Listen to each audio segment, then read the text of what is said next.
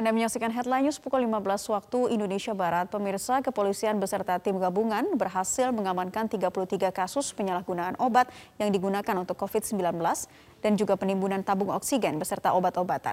Bahkan ada yang memodifikasi tabung apar menjadi tabung oksigen. Untuk informasi selengkapnya kita sudah terhubung dengan reporter Ardi Lase dari Mabes Polri. Ardi, bagaimana hasil penangkapan penimbunan obat dan juga tabung oksigen untuk COVID-19?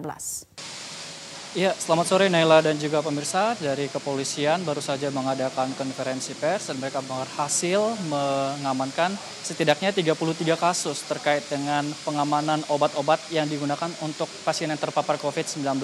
Selain itu, uh, ya ini kasus-kasus di mana adanya penimbunan obat-obat yang digunakan untuk pasien COVID-19 maupun terkait dengan peningkatan harga uh, harga jual atau harga eceran untuk obat-obat yang digunakan untuk pasien yang terpapar COVID-19 bahkan yaitu penimbunan tabung oksigen juga dan juga bahkan ada yang memodifikasi tabung apar atau tabung yang biasa digunakan untuk kebakaran dan dimodifikasi digunakan sebagai tabung oksigen.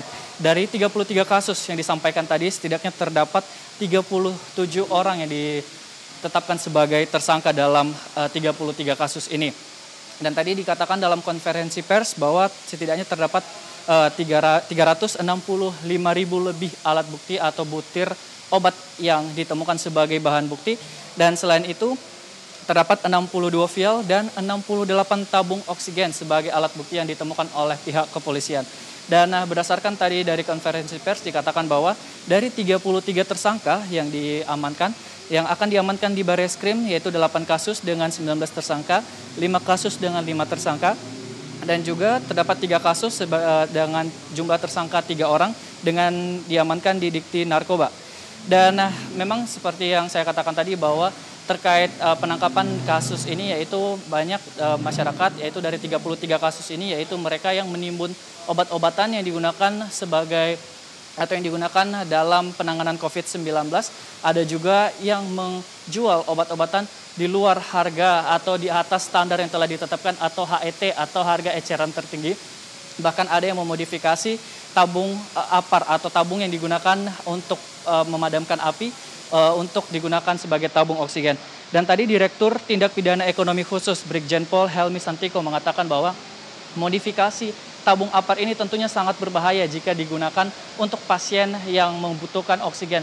Karena pertama bentuk maupun struktur dari tabung yang sudah sangat berbeda dan juga tekanan yang digunakan sangat berbeda. Tentunya ini sangat berbahaya. Dan juga terkait dengan keuntungan tadi memang sempat disampaikan dalam konferensi pers untuk tabung apar ini sendiri, yaitu seharga 700 hingga 900 ribu. Namun diperjualbelikan ketika sudah dimodifikasi menjadi tabung oksigen, yaitu mencapai 2 juta hingga 3 juta rupiah. Dan dari informasi yang kami dapat tadi memang sudah terdapat 190 unit tabung oksigen yang sudah dimodifikasi ini yang diperjualbelikan atau sudah tersebar di kalangan masyarakat. Tentunya ini menjadi tugas kepolisian untuk mencari tahu atau men-tracking um, kalangan masyarakat siapa saja yang membeli tabung oksigen ini karena tentunya ini sangat berbahaya. Dan selain itu terkait dengan jumlah uh, atau tersangka yang telah ditetapkan, maka disangkakan dengan pasal 196 Undang-Undang 36 2009 tentang kesehatan yaitu memperdagangkan obat oleh orang yang tidak memiliki keahlian dan kewenangan dan atau pasal 62 janto pasal 10 Undang-Undang 8 tahun 1999 tentang perlindungan konsumen membuat pernyataan tidak benar atau menyesatkan tentang harga suatu barang dalam perdagangan dan dapat difonis dengan 5 hingga 10 tahun penjara. Selain itu, terdapat pasal 106 Undang-Undang Republik Indonesia nomor 7 tahun 2014 tentang perdagangan, pasal 197 Undang-Undang Republik Indonesia nomor 36 tahun 2009 tentang kesehatan. Pasal 62 Undang-Undang ayat 1 Janto pasal 8 Janto pasal 9 Undang-Undang RI nomor 8 tahun 1999 tentang perlindungan konsumen dengan uh, dengan lama penjara 15 tahun penjara. Dan selain itu terkait dengan alat bukti yang telah dikumpulkan tadi dikatakan bahwa akan dilakukan restorasi justice. Artinya nanti restorasi justice ini uh, alat bukti yang telah didapatkan akan diperjualbelikan kembali dengan harga eceran sesuai harga yang telah ditetapkan dan nanti untuk hasil dari pembelian ini akan kembali ke khas negara untuk membantu penanganan COVID-19. Dan berikut pernyataan langsung dari Brigjen Pol Rusdi Hartono, Karopenmas Divisi Humas Polri. sampai saat ini Polri telah menangani 33 kasus yang berkaitan dengan penimbunan obat, penimbunan oksigen, dan juga menjual daripada obat-obatan di luar dari ketentuan, menjual obat di atas harga eceran tertinggi, yang tentunya ini merupakan satu tindak pidana. Dari 33 kasus yang ditangani di seluruh Indonesia, ada 37 tersangkanya. Iya, Naila dan juga pemirsa tadi juga dikatakan bahwa pada masa pandemi COVID-19 ini Polri maupun tim gabungan akan menindak tegas orang-orang yang memanfaatkan kesempatan di tengah pandemi COVID-19 ini yang memanfaatkan penjualan obat-obatan maupun tabung oksigen.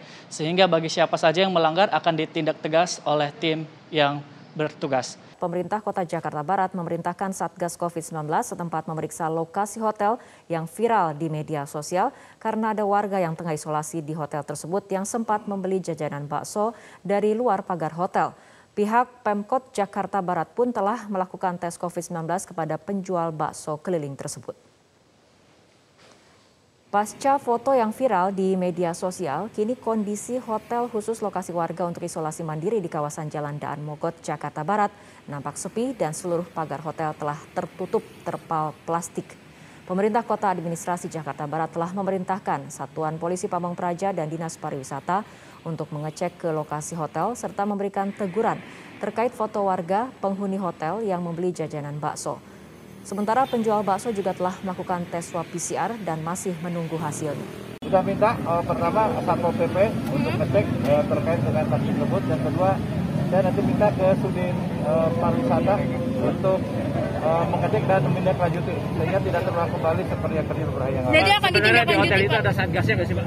Ada, nanti ada. nanti ditindaklanjuti. Nanti nanti udah cek sama Satpol PP sama uh, Kasudin Parsap Pariwisata dan uh, Pariwisata dan Warga yang tengah isolasi mandiri di salah satu hotel di Jakarta Barat yang nekat membeli jajanan bakso, kini pihak Satgas COVID-19 tempat menutup rapat areal hotel dengan terpal plastik. Informasi mengenai kondisi terkini di lokasi isolasi mandiri akan disampaikan langsung oleh rekan Yunia Harsari langsung dari kawasan Daan Mogot, Jakarta.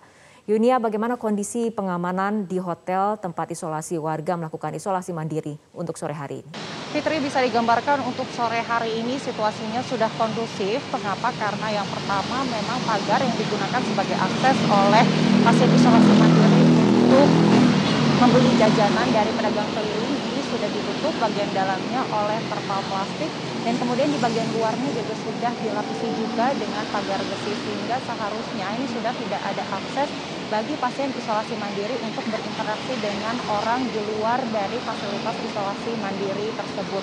Lalu untuk penjagaannya sendiri Fitri memang bisa dikatakan tidak ada penjagaan khusus namun memang ada dua anggota TNI dari Kodim 0503 Jakarta Barat yang ditugaskan setelah insiden viral tersebut untuk membantu menjaga lokasi isolasi mandiri yang ada di kawasan Jakarta Barat ini. Petugas ini juga yang kemudian kerap mengedukasi pedagang keliling yang lewat di depan hotel tersebut untuk tidak beristirahat apalagi menjajakan dagangannya di depan hotel karena memang hotel tersebut menjadi zona merah memang digunakan untuk lokasi isolasi mandiri sehingga sebaiknya pedagang keliling juga berhenti di depannya dan juga melanjutkan uh, perjalanannya kembali dari titik lokasi isolasi mandiri tersebut. Berdasarkan informasi yang kami peroleh dari Kepala Satuan Polisi Pamong Praja Jakarta Barat Tamo Sijabat menyatakan bahwa uh, pasien isolasi mandiri tersebut bisa membeli jajanan dari pedagang keliling karena memang tengah berjemur di pagi hari pada minggu pagi dan informasi yang kami peroleh dari petugas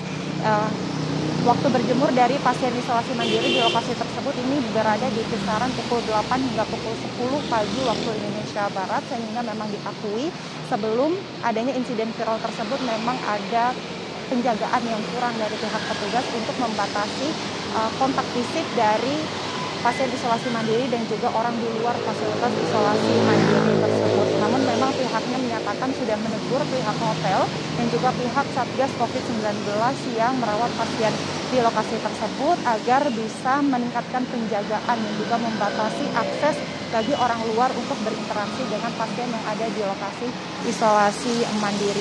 Per hari ini, Fitri, kami tadi mencoba menanyakan kepada petugas yang berjaga di fasilitas isolasi mandiri tersebut, ada 59 pasien isolasi mandiri yang masih menjalani karantina dan uh, ini merupakan uh, sisa atau mereka yang masih uh, membutuhkan uh, isolasi mandiri dari total 195 kamar yang disediakan bagi mereka yang ingin menjalani isolasi mandiri di fasilitas isolasi mandiri tersebut.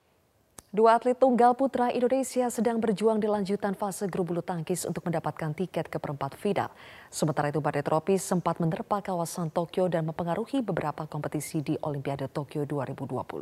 Informasi selengkapnya akan disampaikan rekan Sandi Firdaus langsung dari Tokyo, Jepang.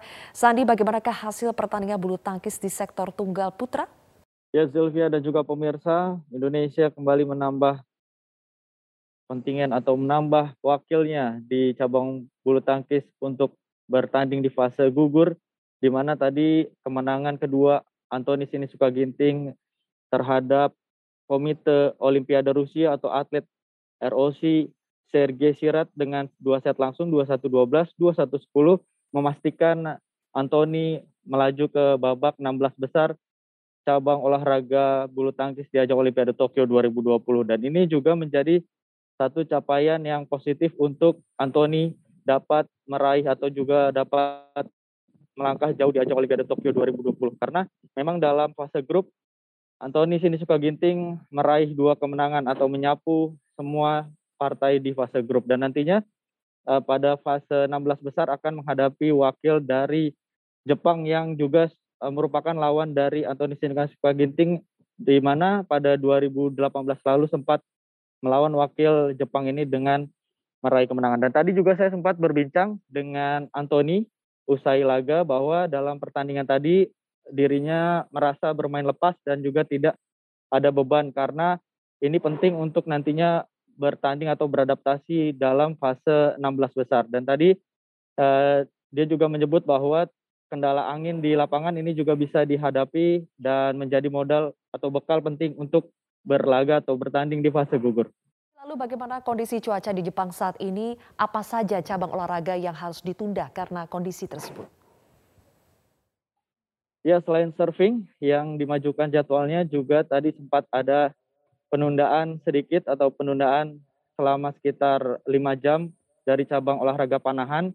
Dan ini juga membuat beberapa cabang khususnya di luar prefektur Tokyo atau di luar Tokyo ini juga terdampak di mana sepak bola ini juga terdampak akibat dari badai tropis. Dan tadi juga sempat uh, beberapa uh, saya sempat juga merasakan ada angin dan juga hujan dengan intensitas, sedang hingga uh, besar begitu di Tokyo hingga pukul 10 pagi tadi. Dan setelahnya atau pada pukul 13 waktu Jepang sudah mulai berangsur-angsur kembali panas. Dan ini juga uh, cabang olahraga panahan di Tokyo kembali melanjutkan pertandingannya. Setelah pemerintah melonggarkan penerapan PPKM, pedagang Pasar Cipulir Jakarta Selatan mulai membuka lapak dagangannya. Namun baik pedagang dan pembeli harus sudah divaksinasi dan disiplin protokol kesehatan. Suasana Pasar Cipulir hari ini mulai menggeliat Para pedagang kembali menata dagangannya dan membersihkan kios setelah ditinggalkan selama hampir tiga minggu. Namun berbeda dari sebelumnya, untuk bisa masuk ke pasar Cipulir, baik pedagang maupun pengunjung wajib menunjukkan sertifikat vaksinasi dan disiplin protokol kesehatan. Pengunjung pun dibatasi hanya 50% dari kapasitas. Meski jumlah pengunjung dibatasi, para pedagang antusias karena sudah ada beberapa calon pembeli yang menghampiri kios mereka. Eh, saat ini mas dari ppkm ini bahwa pedagang pasar tradisional bagi yang ingin berdagang tetap mematuhi prokes kesehatan. Yang pertama tetap menggunakan masker, mencuci tangan, menjaga jarak dan menghindari kerumunan. Nah, selain itu eh, para pedagang dan pengunjung tetap diminta untuk menunjukkan kartu vaksin yang eh, ya, yang mereka harus bisa tunjukkan. Alfiano Dava Raharjo, seorang anak yatim piatu yang kehilangan kedua orang tuanya akibat COVID-19, kini telah selesai menjalani isolasi mandiri seorang diri di kediamannya di Kutai Barat, Kalimantan Timur. Simpati dan berbagai bantuan pun mengalir kepada Vino, mulai dari bantuan dana pendidikan hingga tawaran adopsi dari berbagai pihak. Alfiano Dava Raharjo, atau biasa dipanggil Vino, menjadi yatim piatu akibat pandemi COVID-19. Virus SARS-CoV-2 varian Delta menyerang ayahanda Vino dan ibundanya yang tengah mengandung adiknya yang berusia enam bulan. Kedua orang tuanya pun meninggal dunia dalam waktu berdekatan. Kisahnya pun viral dan menjadi perhatian masyarakat. Simpati dan berbagai bantuan pun datang mulai dari bantuan dana pendidikan hingga tawaran adopsi dari berbagai pihak. Tokoh-tokoh besar Indonesia mulai dari gubernur, bupati, hingga mantan Menteri Kelautan dan Perikanan Indonesia Susi Pujiastuti menyatakan bersedia merawat Vino yang kehilangan kedua orang tuanya. Tidak hanya Susi, artis Nikita Mirzani pun menyatakan simpatinya kepada Vino dan mengaku akan segera menemui Vino. Kisah Vino pun sampai ke telinga Presiden Joko Widodo. Meski tidak bisa menemui Vino secara pribadi, namun Jokowi turut memberikan bantuan dana dan sebuah hadiah berupa sepeda kepada Vino.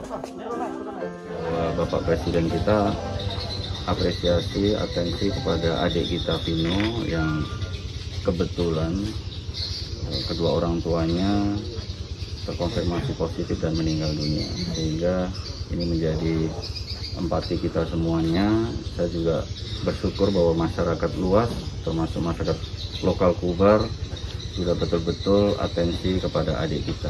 Mewakili keluarga mengucapkan terima kasih sebanyak-banyaknya kepada seluruh staf baik TNI Polri beserta jajarannya yang tidak bisa kami sebutkan satu persatu dan khususnya bagi Bapak Insinyur Haji Joko Widodo kami sangat berterima kasih atas bantuan panjenengan mudah-mudahan ini bermanfaat bagi anak Vino dan mudah-mudahan kebaikan jenengan dibalas oleh Allah Subhanahu wa taala. Kini Vino telah selesai menjalani isolasi mandirinya dan akan segera berangkat ke Seragen, Jawa Tengah untuk diasuh bersama kakek dan neneknya.